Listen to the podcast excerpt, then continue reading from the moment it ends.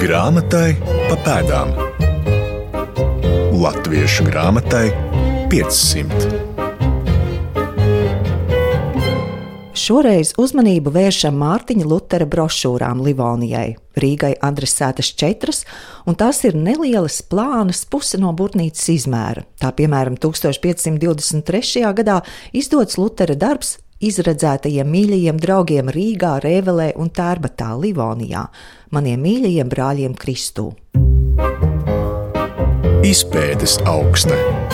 Mārtiņa Lutera un viņa ideju klātbūtne un aizsāktās protestantiskās reformācijas ietekme Livonijas notikumos, kā arī pretrunas, kuras Lutera idejas atraisīja, veicināja radikālas pārmaiņas Livonijas sabiedrībā. Rīga, rīdzinieki, un Lutera mācība, arī Rīgas pilsētas bibliotēkas sākums. Par to visu turpmākajās minūtēs. Mans vārds ir Laima Slava, un es ar Latvijas Universitātes Akademiskās bibliotēkas rokrakstu un reto grāmatu nodaļas vadītāju Āju Taimiņu tiekos Rīgas Svētā Pētera baznīcā. Nevelti, jo Livonijā pirmais jauno ideju sludinātājs bija garīdznieks Andrijas Knopke, jeb Knopkens. Viņš 1517. gadā ieradās Rīgā un sāka kalpot Rīgas Svētā Pētera baznīcā. Lai papildinātu zināšanas, atgriezies Treptuvā, studējis Lutera un Rotterdamas Erasma tekstus, pieslēdzies Lutherismam, tad atgriezies Rīgā. Man ir ļoti svarīgi, lai mēs pareizi saprastu, cik tas ir nozīmīgi, ka mēs esam šeit, Rīgas Svētā Pētera baznīcā. Un tikpat svarīgi un zīmīgi tas ir, lai saprastu tos lielos likteņus, kas ir skāruši šo ēku, šo monumentālo, majestātisko ēku, līdz ar visu Rīgu, arī ar Livoniju. Nu, jā, tas ir tas, ko kādreiz saka, saprast vietas garu, gēnijus loki. Un šis vietas ģēnijs te vējo ap visām senajām mūra sienām, ap pilastriem, ap kapaplāksnēm, ap torni. Un ļoti pareizi ir, ka mēs te esam, lai pieminētu reformāciju. Un reformācijas sākumu nevēl šīs ēkas adreses pašlaik, kopš 2017. gada, kopš reformācijas 500 gadus, ir reformācijas laukums. Pa kreisi no altāra atrodas Andrēsa Knopkes kapa plāksne, arī neliela informācija par vācu garīdznieku un reformatoru.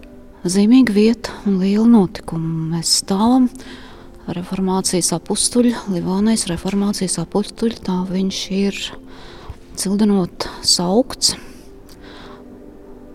Pētera baznīcas mācītāja, arhidiakona, Rīgas rāds apstiprināts šajā matā Andrēsa Knopkes, jeb Knopkena, jeb Knepkena kapa plāksnes, kas ir iemūrēts sienā, Logailē.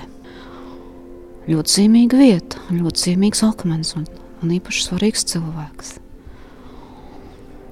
Jā, un 2022. gads ir 500 gadi, ļoti svarīgi 500 gadi atceroties Andrēsa Knopkes darbus Rīgā, jo Pētera baznīcas korī 1522. gada jūnija mēnesī notiek Knopkes disputs ar franciskāņiem. 24 tēzes pēc tam tiek drukātas 22. gads, un 22. gada 30. septembris, kad Rīgas rāte viņu oficiāli ieceļ amatā Un tas nav parasti, ka Rīgas rāta ieceļ amatā garīdznieku. To parasti bija pilnvarots darīt vienīgi arhibīskaps. Tā ir pretimstāvēšana, tā ir opozīcijas spēka apliecība. Knopka stājas amatā un šeit kalpo. Un mums ir jāsaprot, ka ar vienu, lai kāda ir spēka, un lai kāda ir laika un likteņa, cilvēki ar vienu ir gribējuši šo baznīcu redzēt Rīgā. Tas ir Rīgas simbols, tā ir Rīgas garīgā vertikāla, Rīgas pilsētas, Rīgas pilsētnieku. Svēts, patiešām svēts un, un ilgi pastāvējis mantojums. Un tajā visā ir reformācija iekšā, kas ir ļoti pretrunīga. Un Pētera baznīca nebūtu ne tik idiliski labvēlīga.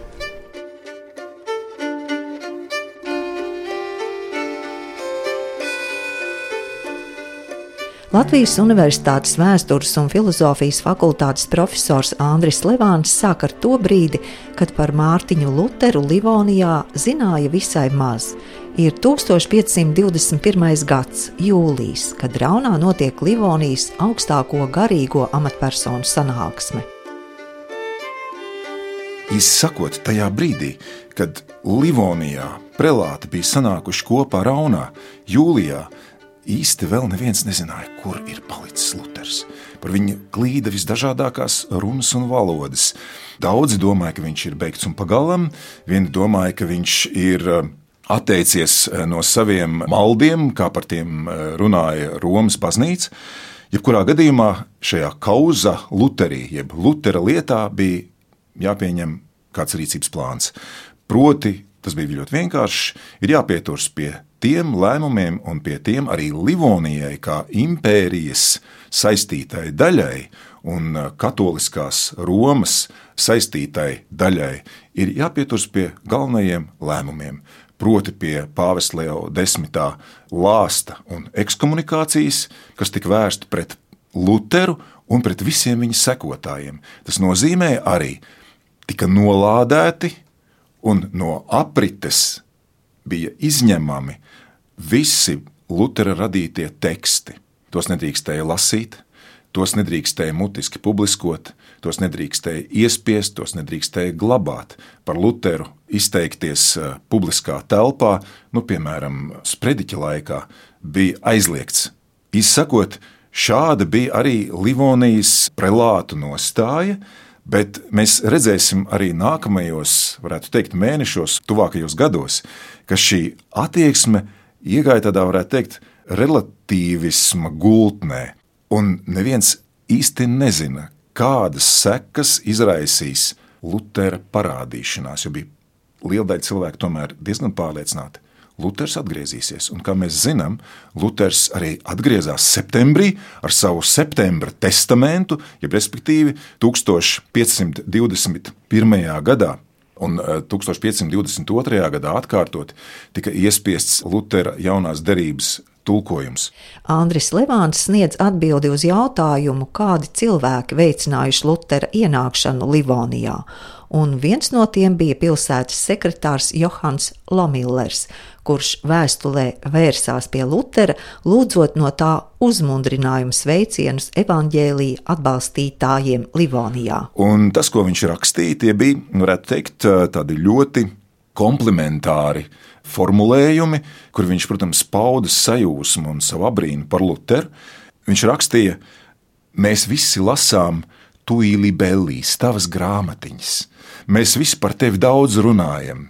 Tu esi mums ļoti svarīgs par to, cik daudz lasīja Livonijā Lutheru, par to, cik daudz zināja par Lutheru Livonijā.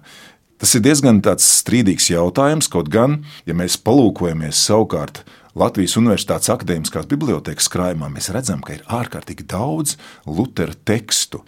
Un tas, kas izdevās Lomülleram sadarbībā ar Lutheru, bija tieši tas, proti, padarīt Livonijas telpu par jaunas kvalitātes mēdī telpu, kurā ļoti nozīmīga vieta bija lūk, šim iespiestajam vārdam, kas sākās ar Lutera Zentbrīfu, jeb atklāto vēstuli. Luters vērsās pie livoniešiem, pie rīzniekiem, reveliešiem un tērbatiešiem, kā pie maniem mīļajiem, pie maniem dārgajiem Kristū. Viņš viņus uzrunā kā savējos. Un, proti, tā ir tā atbildes reakcija, acīm redzot, uz Lomulera vēstuli. Pavisam neliels, no dažām lapas pusēm sastāvošs neliels tekstiņš, maza, maza burtnīciņa, sasniedz 1523. gada, iespējams, pašā, pašā nogalē vai 24. gada sākumā, jo iespiests Vitsenbergā šis pirmais teksts maniem mīļajiem draugiem, livoniešiem, kas tieši sākas ar vārdiem: Den auserwählten lieben Freunden Gottes. Ja, tad, tad tiem izredzētajiem. Viņš uzrunā rīzniekus, revliešus un tērbdiešus kā izredzētos Dievā, Kristū. Luters ļoti labi prata, manuprāt, uzrunāt savus klausītājus, un šādā veidā ar šo nelielo tekstiņu tika imaginēts, jeb radīts e, šis šķietamais Lutera klātbūtnes efekts. Luters ir tieši šeit. Viņš ir atnācis, lai uzrunātu jūs, man mīļie brāļi un māsas, par to, kas mums visiem ir svarīgs. Proti, tas, kādi mēs esam kā kristieši. Mēs esam vāji, mēs esam spēcīgi, taču arī mūsu vidū reiz nāks vilki. Kā viņš visus brīdina, starp citu, šajā pašā tekstā. Šeit ir ļoti interesanti momenti izlasāmi, kam būtu vērts pievērsties. Cita starpā, jūs taču esat pasaules malā, jūs, mīļie livonieši, taču mans vārds jūs ir sasniedzis, tātad jūs mani dzirdat. Jūs vairs neesat nomalē, jūs neesat pasaules malā, un jo vairāk jūs par mani zināsiet, ja jūs kļūsiet par mani, maniem sekotājiem, jūs nonāksiet, ja pietuvināsieties pasaules centram. Proti, pasaules centrs tajā brīdī priekš Lutera vairs nav Roma, bet visas tās vietas, kur viņam ir lūk šie viņa sekotāji. Un Viņš atgādina arī to, ka krāt naudu un pelnīt naudu, starp citu, nav grēks. Tad viņa mērķa auditorija pirmām kārtām ir pilsoņi, pilsēta.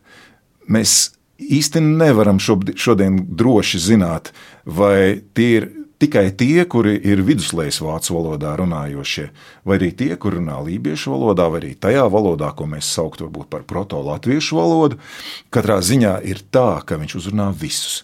Visus ir šim viņa vārdam, šim viņa zendbrīfam, viņa apustuliskai vēstule ir jāsasniedz. 1522. gadā ap vasaras svētkiem Rīgā Svētā Pētera baznīcā notika vienīgais zināmais publiskais disputs starp evaņģēlistiem un vecās baznīcas piekritējiem. Šajā gadā Rīgā ieradās Knopkem pazīstams cilvēks, mācītājs Silvestrs Tegetmējers. Viņš bija aizrautīgs un pat fanātisks Lutera piekritējs. Un Tegetmējera dēļ mēs varam teikt, īstenībā nevis Lutera dēļ, bet nevis Knopkas dēļ, bet tagad Meijera dēļ. Mēs varētu teikt, ir veidojusies Rīgas pilsētas publiskā biblioteka, jo viņa sprediķi, kuros atainojas reformācijas fanātiskais gars, nežēlīgais un ļoti agresīvais raksturs, rīzniekus tika ārkārtīgi satracina ka tie pārņemti no šīs jaunās domas, ka ir jātiek galā ar papistu nejēdzībām un visu šo svēto kultu. Uzsāk baznīcas grautiņus vienreiz, pēc pāris mēnešiem vēlreiz un vēlreiz. Atsliecinieki tos pielīdzina savā emocionālā izpratnē kaut kam, kas ir tūs pasaules galam. Un tas ir pasaules gals, tas ir viens pasaules gals, vēl nav notikusi cits pasaules radīšana agresīva, nežēlīga, ārkārtīgi nesaudzīga rīcība. Vairāk par to sāk runāt kontraformācijas laikā. Un tur ir dažas liecības, kas apraksta arī notikumus Pētera baznīcā un to, kā Silvestris tagad mērs prediķu uzkurinātie rīdzinieki dodas likvidēt šīs pāvesta nejēdzības un šīs relikvijas. Un kas tad notiek? Kādreiz bija diezgan iecienīts teiciens: ejiet taču jūs pie visiem svētajiem. Lai jūs zinat, kur ir visi svētie. Visi svētie ir tur, kur pēc Pētera baznīcas grautiņa niknie rīdzinieki ar jauno pārliecību bruņoti, kopā ar jaunajiem melngalviem, sameta visas no Pētera baznīcas um, izrautās skulptūras, svētbildes, altāra priekšmets un visu pārējo kādā tumšā vietā aiz Pētera baznīcas, un to pēc tam iesauc pie visiem svētajiem. Tā raksta Erdmans Tolgstors. Nu, Vismaz visas bildes bez izšķirības sameta kaudzē kādā netīrā tumšā vietā aiz svētās Pētera baznīcas, un šai vietai tie smējot devu vārdu, tai jāsauc pie visiem svētajiem. Tad vienā dienā tos nejēdzību un neprāts noved tik tālu, ka tie visas Kristus un svēto bildes no minētās vietas un no citurienes visas kopā ar mēslu ratiem izveda no pilsētas un iemeta lielā aizcinātā sārtā un sadedzināja pelnos. Īpaši tī izrādīja savu naidīgumu pret daudzām skaistām visvētākās jaunās diamātas Marijas bildēm, kuru tie sauca par burvi. Un tās grāmatas arī šādu postu darbu iznākumā daudz jau aizgāja bojā, bet tepat netālu no Pētera baznīcas Ļoti tuvu ir Dominikāņu klosters.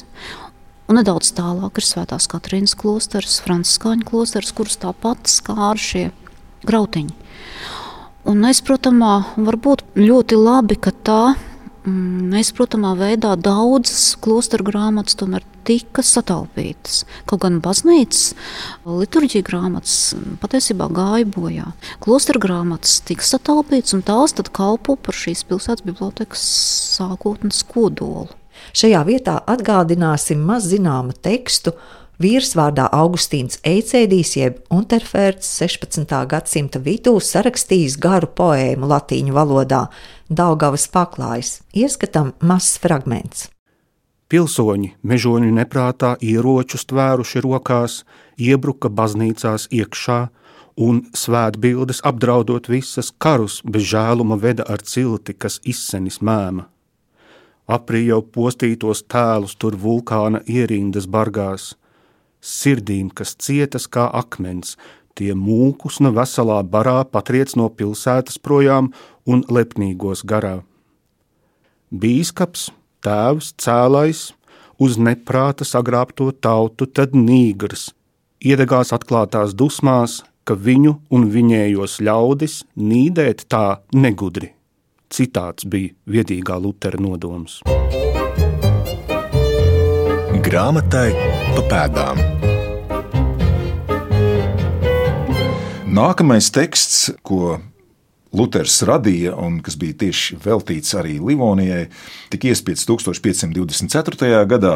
Tas ir 127. psalms, jeb respektīvi skaidrojumi par 127. psalmu kristiešiem Rīgā šeit, Livonijā. Īpašs teksts, kas ir iespējams unikāls. Tās uzrunas formas ir ļoti mērķiecīgi vērstas un acīm redzot pieskaņotas livoniešiem. Un trešais lūk, šāds teksts tika iespiests 1525. gadā, kas ir eh, arī vēsturiskajā kontekstā ļoti nozīmīgs un proti kristīgs brīdinājums par āršķirīgu kalpošanu dievam un izlīgšanu tiem, kas Livonijā. Izlīgšana ir būtisks atslēgas vārds, jo mēs redzam, ka Svētās Romas impērijā, proti visur tur, kur lūk, šī sekošana Lutheram bija pāraugusi vardarbībā, proti fiziskā vardarbībā, bija sākušies tā saucamie vācu zemnieku nemieri 1525. gadā, un tas ir bija tas, starp citu, par ko runāja, un ļoti daudz runāja Livonijas lantāks ka baidījās, ka kaut kas līdzīgs varētu notikt Livonijā.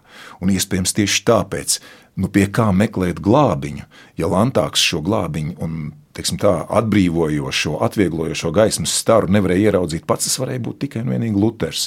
Tātad Luters varēja būt tas, kurš, ja reiz ir atraisījis šos destruktīvos, iznīcinošos spēkus, ir tas, kurš arī spēj tos savaldīt. Livonijā, protams, šādu nemieru nebija. Un lūk, tieši tāpēc tik ļoti svarīgi ir, eh, svarīgs ir šis vārds izlīgums.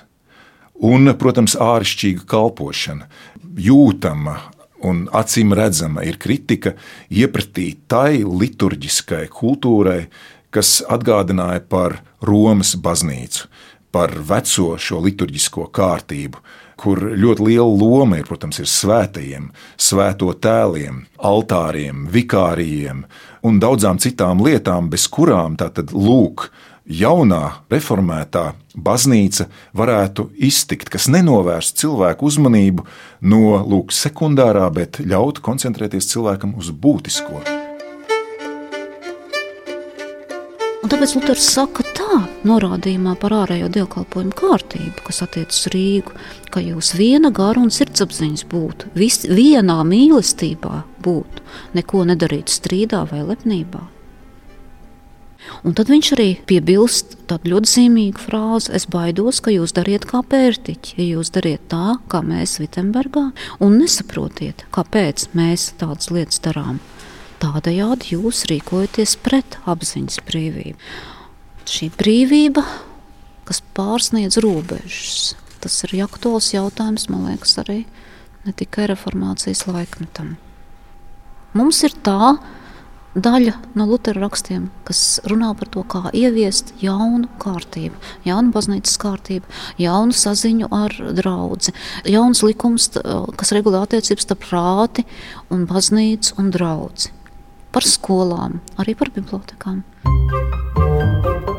Atklājam tekstus! Fragments no Mārtiņa Lutera aicinājuma visiem vācu zemju rāckungiem, kurā arī vēstīts par bibliotēkām. Visbeidzot, ir labi apdomāt ikvienam, kam ir vēlme un prieks, ka skolas un valodas vācu zemēs tiek ierīkotas un uzturētas, ka nav jātaupa darbs un nauda, lai īpaši lielajās pilsētās iekārtotu labas bibliotēkas vai grāmatu namus. Vispirms tur jābūt abiem sētajiem rakstiem - latīņu, grieķu, ebreju un vācu valodā, un kaut vēl vairākās valodās. Tad tādām grāmatām, kas nodara valodu apmācīšanai, kā dzējas un runas, neskatoties uz to, vai tās pagānu vai kristiešu, grieķu vai latīņu. Tad tādas, kas māca gramatiku tad jābūt grāmatām brīvajās mākslās un tāpat visās citās mākslās. Visbeidzot, arī tiesību un ārstniecības grāmatas. Līdzās ievērojamākajām grāmatām jābūt arī kronikām un vēsturēm dažādās valodās, jo tās noder, lai izprastu un vadītu šīs pasaules dzīves ritējumu, kā arī lai saskatītu dieva darbus un brīnumus. Uz šī Lutera koncepta balstoties, arī bibliotekas Eiropā, publiskās bibliotekas veidojās. Un arī Rīgā. Tā ir tā pati doma, tie paši pamatprincipi, tās pašas pamatgrupas, ko Luters ir teicis, ka tās ir būtiskas bibliotekā, lai tādas grāmatas būtu, tās arī ir. Svarīgā grāmatzīme. Mēs zinām, ka ir atkārtoti un dažādi šo iespiesto tekstu varianti un variācijas. Starp citu, kas pētniecībā vēl ar vienu ir eh, liels izaicinājums noskaidrot to savstarpējās attiecības un teiksim, tā ģenealoģiju. Otra lieta, kur ir vērts šeit pieminēt, ir tā, ka Luters radīja tādu sajūtu par to livoniešiem, ka viņi ir īpaši izredzēti, ka tikai un vienīgi viņiem viņš velta savus vārdus. Bet šeit ir kāds āķis. Luters ļoti labi apzinājās, ka atliek tikai nomainīt virsrakstu, un tu to pašu saturu vari pārdot vairākas reizes. Grāmatu iespējamiem izdevējiem tas, protams, arī bija ļoti izdevīgi, jo tādā veidā mēs zinām, ir iespējams preces noiets. Un mēs redzam, ka tieši tāda paša satura tekstus, kā piemēram šis vēstījums maniem izredzētajiem kungiem Kristu Rīgā, Tērbatā un eh, Rēvelē, kā ar šādu pašu saturu, tikai nomainot galviņas. Šādi paši teksti tika eh, veltīti maniem izredzētajiem un mīļajiem kungiem Kristu Augsburgā, Vormsā un vēl daudzās citās impērijas lielajās pilsētās, kur Luters meklēja savus atbalstītājus, un nevelti Tieši šīs pilsētas bija tās, kuras, domājot par attiecībām ar Romu un ar pāvestu, ar veco baznīcu, bija savās pozīcijās ārkārtīgi stabilas. Un tā bija Lutera mērķa auditorija. Luters šajā ziņā bija spēlmanis. Viņš provocēja un izaicināja likteni, un es teiktu, tā spēlēja ar lielām likmēm. Un mēs jau zinām, ka šī spēle beidzās Bet, jebkurā gadījumā, Livonijai eh, šis bija ārkārtīgi liels izaicinājums, un tas radīja ļoti būtiskas izmaiņas ne tikai politiskajā kultūrā, bet eh, es teiktu, tā kultūrā vispār, pasaules redzējumā vispār.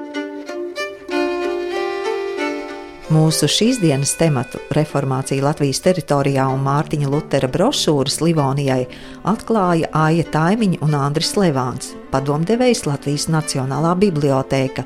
Par raidījumu labskaņu rūpējās Nora Mītspapa, producente Santa Lauga, mans vārds Laima Slava. Raidījums arī lielajās straumēšanas platformās, bet pēc nedēļas dosimies uz Raunu, lai skaidrotu, kas saista 1502. gada kauju pie Smoļinas ezera, kurā Livonijas ordeņa mestrs Pletenbergs uzvarēja Maskavijas karaspēku, ar Rīgas breviāru. Grāmatai pa pēdām Latviešu grāmatai 500.